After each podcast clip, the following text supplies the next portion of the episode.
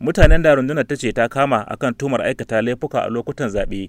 An kama su ne daga jihohi daban-daban na najeriya kamar a jihar sokoto inda aka kama mutane da yawan su ya kai 79 ko bayan zaɓukan rundunar ta ce an samu wasu mutane da ke fakewa da samun nasarar zaɓe wajen yin murna sai su rinka aikata laifuka.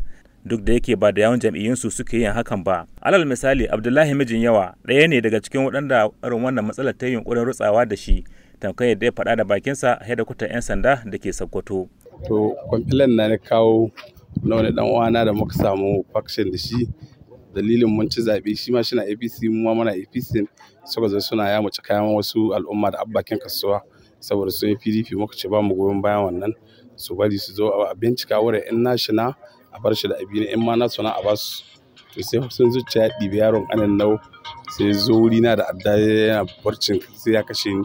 Shi ne kawo kwamfilin a wurin cp wannan batun a cewar kwamishinan 'yan sanda muhammad usainu gumel sun yi bincike a kansa kuma yanzu haka yana gaban kuliya to wannan kes da aka kai wa alkali kes ne na na attempted culpable homicide domin duk wanda ya riƙe adda ya kuma riƙe mutum da cewa zai sare in banda Allah ya cece shi mutane sun taro da sai dai a yi wata. Kwamishinan ya ce akwai wasu misalai na irin waɗannan matsalolin da suka kama. A Torata Local Gamman an samu wannan matsala wanda wasu suka fito suna ƙoƙarin wannan cewar su murna suke kawai suka shiga gidan wani mutum har suka harbi matarsa a ido da danko.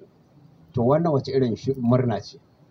Me ya kai ka tunda ba farauta za ka me ya kai ka ɗaukan bakan danko don wani har ka harbi mutum to kaga wannan ba wani abu ne su kawo hargitsi a gidan nan su yi musu sata haka ma an samu ire-iren waɗannan matsalolin kuma kwamishinan ya ce yanzu haka suna kan farautar wasu da suke tuhuma da hannu ga aikata laifukan. Kuma abin da ya ƙara taimaka shi ne muna da bidiyo clip.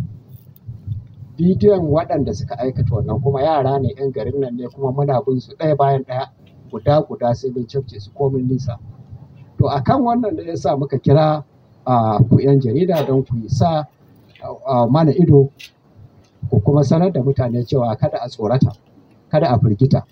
Wannan rundunar 'yan sanda tana nan akan aikinta kuma duk wanda ya aikata za a yi mishi. Yanzu da yake hukumar zaɓen Najeriya ta tsayar da ranar 15 ga watan Afrilu a zama ranar kammala zaɓukan da ba a kammala ba a wasu jihohin ƙasar. Kwamishinan na 'yan sanda ya ce rundunar tare da hukumomin tsaro ba za su yi ƙasa a gwiwa ba. Inda aka ga element na irin waɗannan mutane masu fakewa da a bayanin cewa sun fito don murna su aikata wani laifi ba za a ba su ba ba za a ƙyale su ba. Dama tun kafin gudanar da zaɓukan da aka yi a ranar 25 da na 18 ga watan Maris, wasu 'yan siyasa sun amince da sanya hannu ga wanzan da zaman lafiya tsakanin magoya bayan su kafin zaɓe, lokacin zaɓe har ma da bayan zaɓe, kuma jami'an tsaron Najeriya sun lashe takobin tabbatar da hakan. Muhammad Nasir, muryar Amurka daga Sokoto a Najeriya.